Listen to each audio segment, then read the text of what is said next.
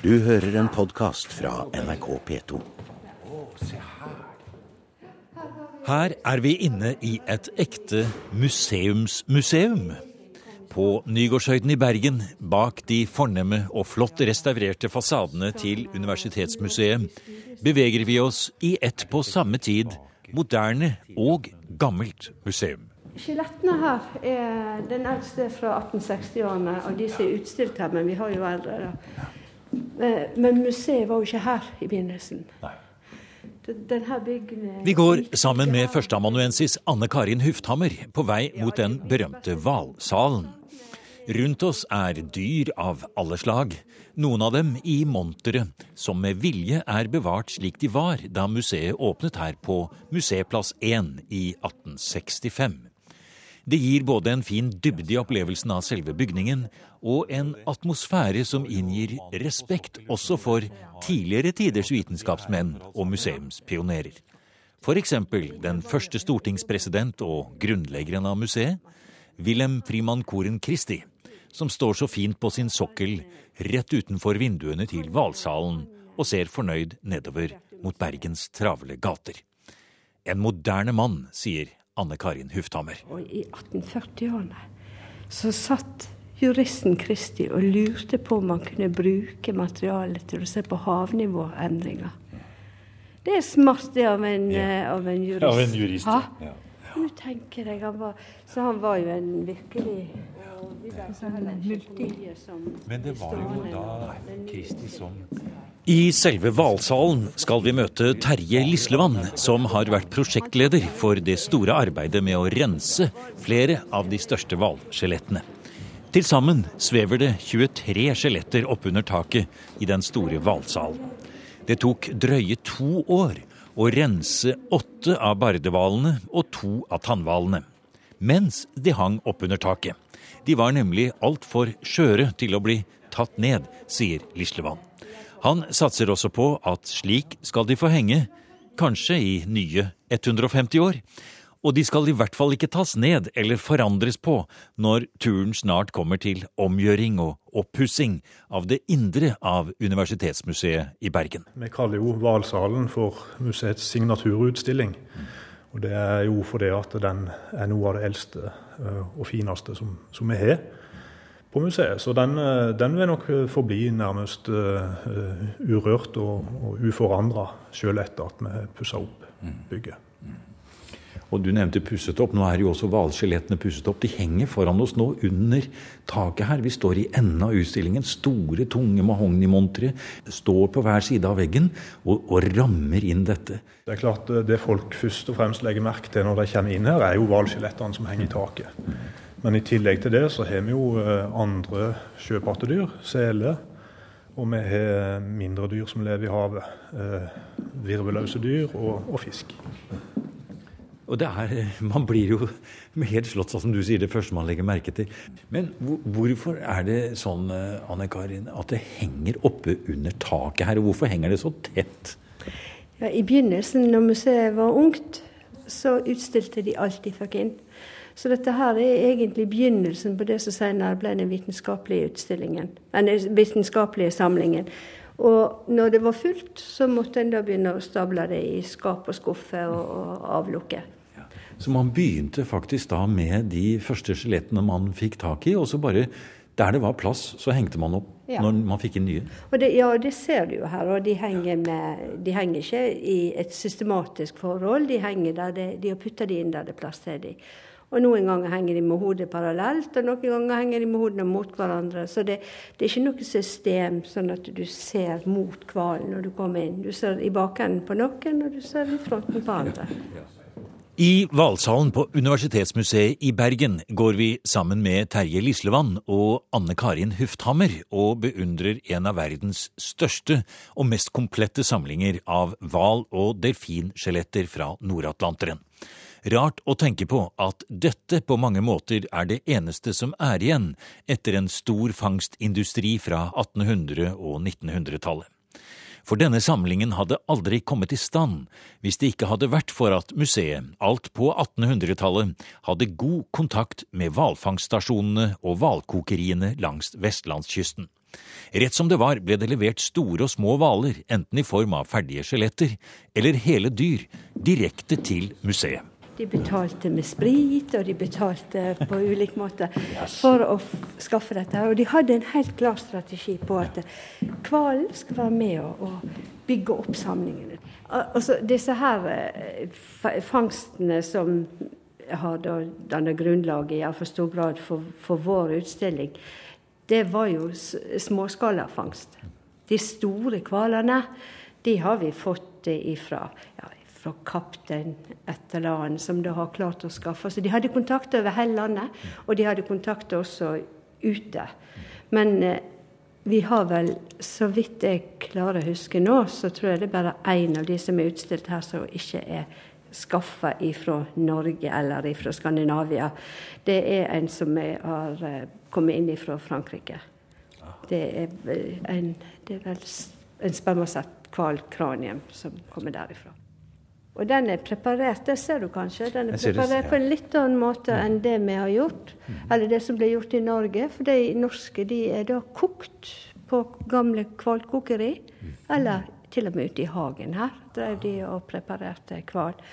Den her eh, har preparert seg sjøl. Han ble lagt på stranda, og så lot de naturen ta, ta seg av opprensinga. Så den kan ha ligget ganske lenge i friluft før eh, den ble tatt inn. Og vi ser her opp på toppen av en av monterne så er det et eh, skjelett hvor det er noe som er veldig lyst, og noe som er veldig mørkt. Det kan godt være at uh, den ulike fargen der uh, kommer av at knoklene har blitt behandla på ulike måter når de, når de ble preparert i sin tid. Og Én ting er jo størrelsen på disse skjelettene, som vi bare undrer oss over. En annen ting er det som jeg ser inni den eh, store monteren som står tvers over i rommet her. For der ser vi noen av de indre organene. Og det er jo også mildt sagt eh, stort. Ja, det, det, det, er svære ting. Selv om det er egentlig ikke noen store hvaler som dette her er henta ut av. Det er bl.a.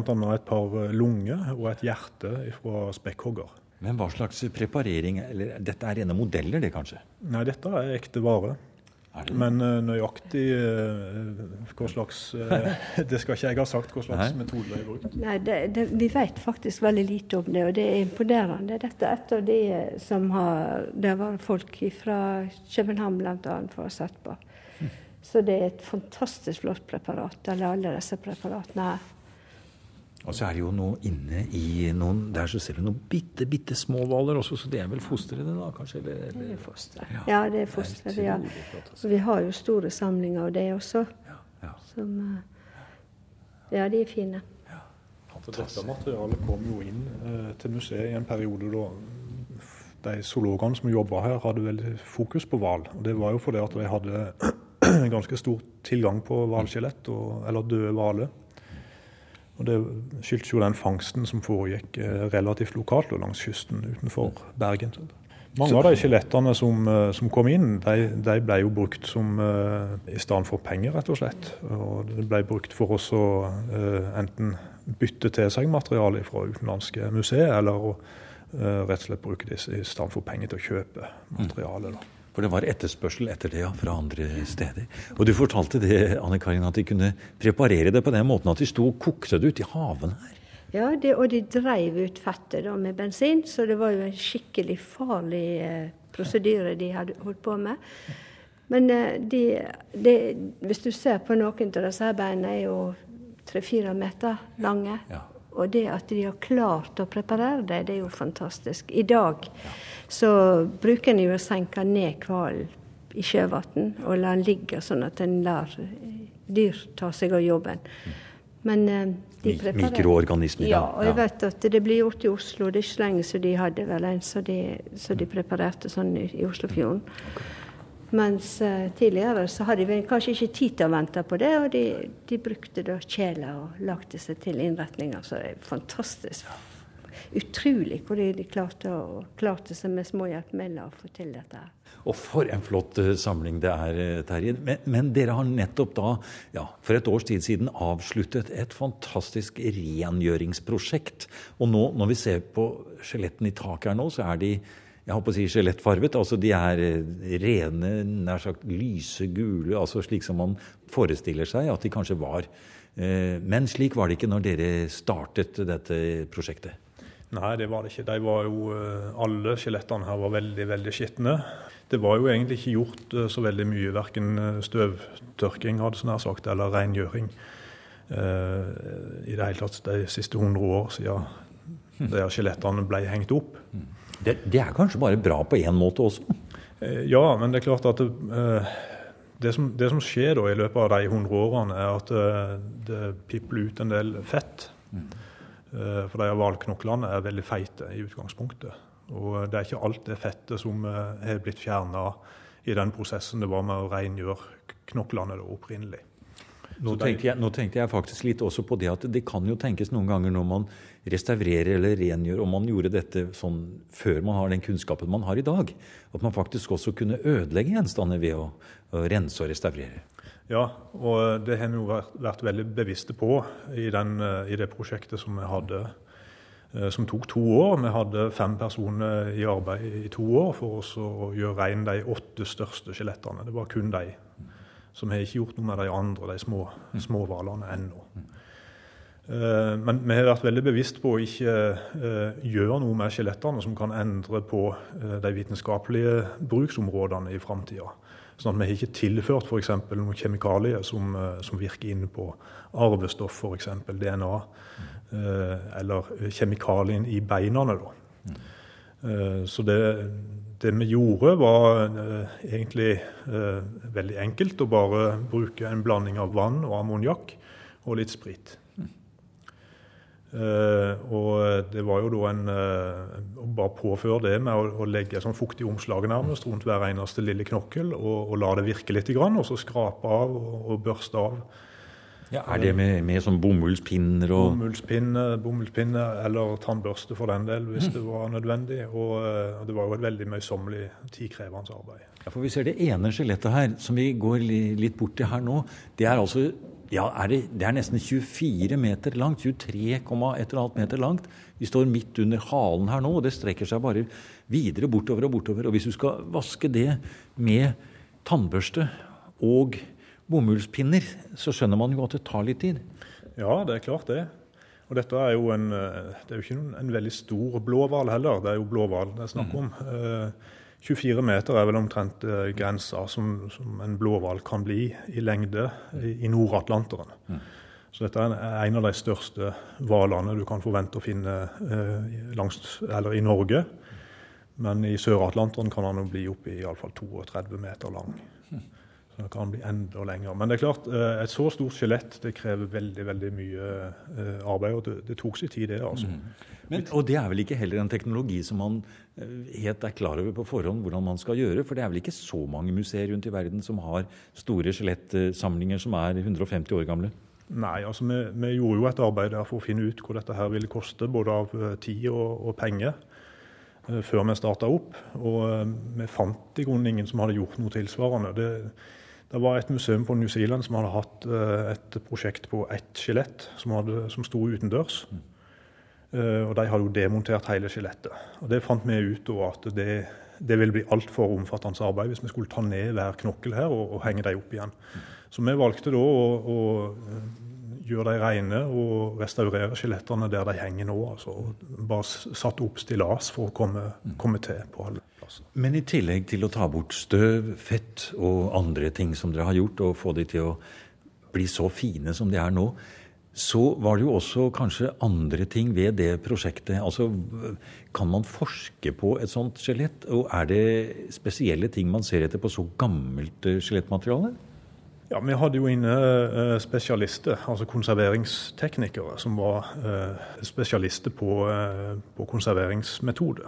Og for dem så var det jo dette prosjektet et, eh, virkelig et funn. For det var jo mange interessante problemstillinger i forhold til nedbrytning da, av beinmateriale. Og, og, bare det å finne ut hva som faktisk var i eh, støv og skitt som lå på overflaten her, var jo, eh, var jo veldig interessant. Det var nærmest en sånn arkeologisk utgraving i, i, i mikroformat. Ja, Fant man noen rester på selve skjelettet? når man holdt på med dette her? Altså det, det som eh, Av støv og, og skitt som var på knoklene, så er det veldig mye luftforurensning som har setter seg av mm. opp gjennom årene. Og det er klart vedfyring i, i byen og, og uh, trafikk, uh, altså eksosrester uh, og sånne ting. Det avleirer seg og satt seg fast i, i fettet. Og det er klart at når, når dette får virke litt over tid, så kan det føre til at skjelettet eller beinmaterialet brytes ned. Mm. Og det, det dannes da nye kjemiske forbindelser som, som kan være skadelige for, for beinmaterialet. Vi hører her Anne Karin, at uh, Terje Lislevann sier at uh, man vil ikke gjøre noe i renseprosessen som kunne skade et mulig DNA-materiale som fins lagret her. For det vi står og ser på her, og det er jo helt fantastisk å stå og se her på alt dette som henger oppunder taket. Og det er jo ikke bare skjelettene, men det er jo disse fiskene som svømmer rundt her, og monterne på alle sider. Vi står jo egentlig også inne i en slags genbank, gjør vi ikke det? Jo, vi gjør det. Og det er jo veldig mye vi ikke vet om disse her hvalene ennå det var veldig viktig det at, eh, at, det ikke ble gjort noe som Terje sier, noe som ville ødelegge kjemien hos hvalen. Og sånn som uh, i dag, så er, er, vi jo i gang med et prosjekt der vi forsøker å, å kartlegge genetikken på disse her, for å se bl.a. Kan det tenkes at det henger hvaler her som vi egentlig ikke har klart å identifisere ennå. Mm. Vi har en som vi lenge trodde var en kombinasjon av to, at de hadde montert feil. Men eh, nå begynner vi å lure på om det kanskje er en av de artene som vi som ikke utdød. Kanskje? Nei, kanskje ikke utdødd, men en av de som vi ikke har, og som vi ikke har visst var at de var utbredt langs norskekysten. Vi har jo arter som falsk spekkhogger som vi ikke har her, og som kanskje ligger i det ubestemte materialet. For når du sier det at dere har et annet materiale, så så tyder jo det på at i tillegg til alt dette vi ser her, så har dere i magasinet ting som stammer kanskje fra den aller eldste samlingen av hvalskjeletter som, eh, som Kristi eh, og de andre drev med. Eh, altså fra 1820-årene og fremover? Ja. ja. vi har det. Og noen må, har vi rett og slett måttet demontere, eller ta ned igjen, fordi at de, de har hengt i rom som skulle brukes til andre ting. Mm. Men eh, vi har jo òg materiale som er enda eldre enn det, som kommer fra utgravninger. Og i det ligger det jo òg et stort potensial. Så i, her i utstillingen så er det utstilt både fossilt materiale, eller det vi kaller subfossilt, og moderne materiale. Og noen av de kan være ukjente arter. Når det gjelder det, Anne Karin, dette med samlinger av hvalskjeletter andre steder, eh, hvor eh, si, unikt er unik er denne samlingen? Eh, så vidt jeg vet, så er det, fins det ikke en tilsvarende samling noen plass. Og det, jeg må få lov å nevne en ting som vi er ekstra stolte av her. da. Det er bekkene. Oh, For ja. veldig Løse bein som ja, henger der. Og det er rester av den gangen de hadde Det må du forklare litt nærmere. Hvis du ser her, så ja. er det rester av bekken. Ja, for... Fra den gangen hvalens forfedre gikk på land. Så, og det har vi, og det er veldig, veldig få montasjer som jeg har sett rundt om, som har korrekte bekken. Vi har det på mange av våre hvaler, og vi har til og med en liten utstilling som viser hvordan hvalbekkene eh, har utvikla seg. Se på den her, her inne, så kan du få, iallfall få sett den. Å, slo på lyset her nå, og vi kommer inn i et rom stappfullt av eh, mange forskjellige store og små, særlig små, kranier og skjelettrester. Ja, her ser du jo da eh, på en måte denne her lange eh, Den største delen av, av, det beinet, det er selve hofte, hoftebeinet. Og så ser du at det er en, et sånn lite vedhenge på mange måter, iallfall på to, ja, tre av hoftene.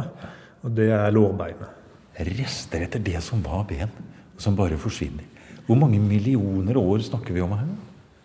Ja, Det skal ikke jeg ha sagt sånn på stående fot. Men det er lenge? Ja, og det, det interessante er jo at eh, selv innenfor én art så kan det variere ganske mye. Det, det, viser jo på mange måter at de som eh, preparerte de hvalene, de, de, var veldig bevisst på hva de gjorde. De, de eh, visste nok veldig mye om hval. For ellers så ville de ikke ha på en måte klart oss å, å bevare det materialet her, som veldig ofte bare ble forsvant ut med, med kjøtt og spekk. For de ligger jo helt ut mot spekket, og, og når du har dårlig tid og skal flense en hval, så er det jo veldig, det er veldig bra at de har klart å, å, å ta vare på dette. Og så har vi én ting til som jeg må få nevne, og det er Nordkapperen. For jeg tror det er den eneste Nordkapperen Ja, vi går bort til den. Det er altså Nå går vi helt ut mot vinduet her. Nordkapper. 16 meter lang. Hvis du skulle beskrive en nordkapper, hva er det som er spesielt med den? Nei, Det er jo en rett hval, men det er, det er, en av de virkelig sjeldne hvalarter i dag. Og den har jo vært utsatt for en voldsom fangst. Så i dag er vel dette her en av de som vi kan regne som en av våre mest verdifulle hvaler. Hvalskjeletter. Et kjennetegn er at på hånda så har den fem fingre, ikke bare fire, sånn som de andre bardehvalene. Det er kanskje et av dem. Men ellers er det jo Det ser du ikke i, i Sverige. Nei, det gjør du ikke. Det, det, ser du det ser du bare i skjelettet. Det ser du bare i skjelettet. Hvorfor er det sånn at den er, ble mer jaktet på, eller ble mer utryddet? Hadde den noe, holdt jeg på å si, spesielle ting som man var på jakt etter? Ja, den heter jo rett hval, fordi det var den rette hvalen å jakte på. Og- Det er derfor det heter det, ja. Ja, det var fordi at de, eh, både grønlandshval og, og nordkaper er- er ganske eh, sakte svømmende dyr. De svømmer ikke så fort som de andre bardehvalene. Så sånn var det mye lettere å komme inn på eh, med, med robåter. Og den typen fartøy som var tilgjengelig for 300-400 år siden. Eh, I dag så er det omtrent ingen igjen eh, langs norskekysten eller i, i den østlige delen av Atlanterhavet i det hele tatt. Så du må bort til kysten av USA for å, å finne de få dyrene som, som er igjen. Jeg tror det er bare snakk om noen få hundre dyr som fortsatt eksisterer.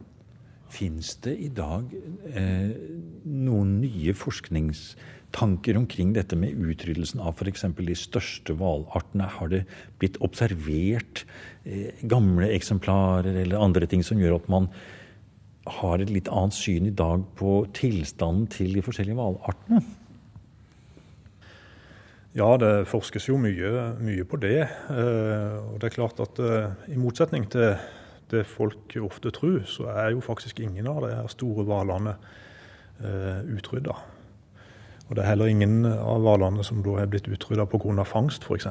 Men eh, bestandene ble jo veldig, veldig redusert pga. hvalfangsten. Eh, Den eneste hvalarten som vel er utrydda eh, i dag, eller som er blitt utrydda i, i de senere årene, da, det er en kinesisk delfinart som finnes i, mm -hmm. i ferskvann. Ja, og så mener jeg vel at gråhval også i at den er, så hørte til i Atlanteren er utrydda. Den er- finnes jo nå bare i Stillehavet. Men de aller største hvalartene, sånn som blåhvalen f.eks., eh, den finnes ennå. Ja da, den finnes, men eh, bestandene er veldig mye mindre enn det de var før hvalfangsten. Før den moderne hvalfangsten. Og så er det vel en veldig lang eh, drektighetstid. Eller altså det tar veldig lang tid før eh, altså hvalen Antallet for en liten bestand har formert seg så mye at den blir bærekraftig. Ja, det er, jo, det er jo akkurat det. Dette her er jo veldig eh, langliva dyr. Eh, enkelte grønlandshvaler eh, f.eks. har de jo beregna at det kan være oppi 200 år gamle, kanskje. Eh, og der er funnet eh, rester av gamle fangstredskap i spekket til, til eh, grønlandshval, som, eh, som indikerer det ut ifra utforminga av de redskapene. Altså rett og slett en harpun som er kastet inn i en hval eh, for 150 år siden. Og som da, når den driver inn på land, dør, eller den, man får tak i det, så finner man altså at eh, den har man forsøkt å fange for 150 år siden. Ja. Fantastisk. Og det, dette er vel òg uh, understøtta på mange måter av eh, mer moderne analysemetoder, da, uten at jeg kjenner detaljene i akkurat det. Men De eh, har jo gjort, eh, det, nei, gjort eh, C14-analyse eller undersøkelse og funnet ja, 150 år er en sånn snittalder du gir på de veldig store artene. Men nå etter hvert så er det jo kommet nye metoder som går på f.eks. isotoper som går på å se på hva temperatur har de levd under. og det, hjelp av det så kan du se hva vandringsmønster de har hatt tidligere. Og eh, hva de har spist. Og, og, og alder på de. Så disse her som henger nå i taket her, de er, det er et stort potensial til å forstå mer om moderne hval ved å bruke disse skjelettene. Altså, de er ikke bare døde. Altså, de, det er ikke bare skjeletter, men det er et, noe som kan fortelle ganske mye om dagens populasjon òg. Så de er rett og slett en kilde til kunnskap, og kunnskap som vi ikke engang vet hva er? Ja, det er de. Og det, etter hvert så det kommer nye metoder hele tida. Så bare for en 10-15 år siden så, så var f.eks. dette her med isotoper ikke særlig framme i tida. Men nå er jo det en av de tingene som virkelig kommer mer og mer. Så man kan kanskje si at denne samlingen av skjeletter her, som nå er så flott tatt vare på også, det er, eh, det er, en del av verdensarven på en måte, da? Det er nok det. Og det er, det er selv om det er dødt, så, er det, så har det et stort potensial som et levende kunnskapsmateriale. Du har nå hørt en podkast av programmet Museum fra NRK P2.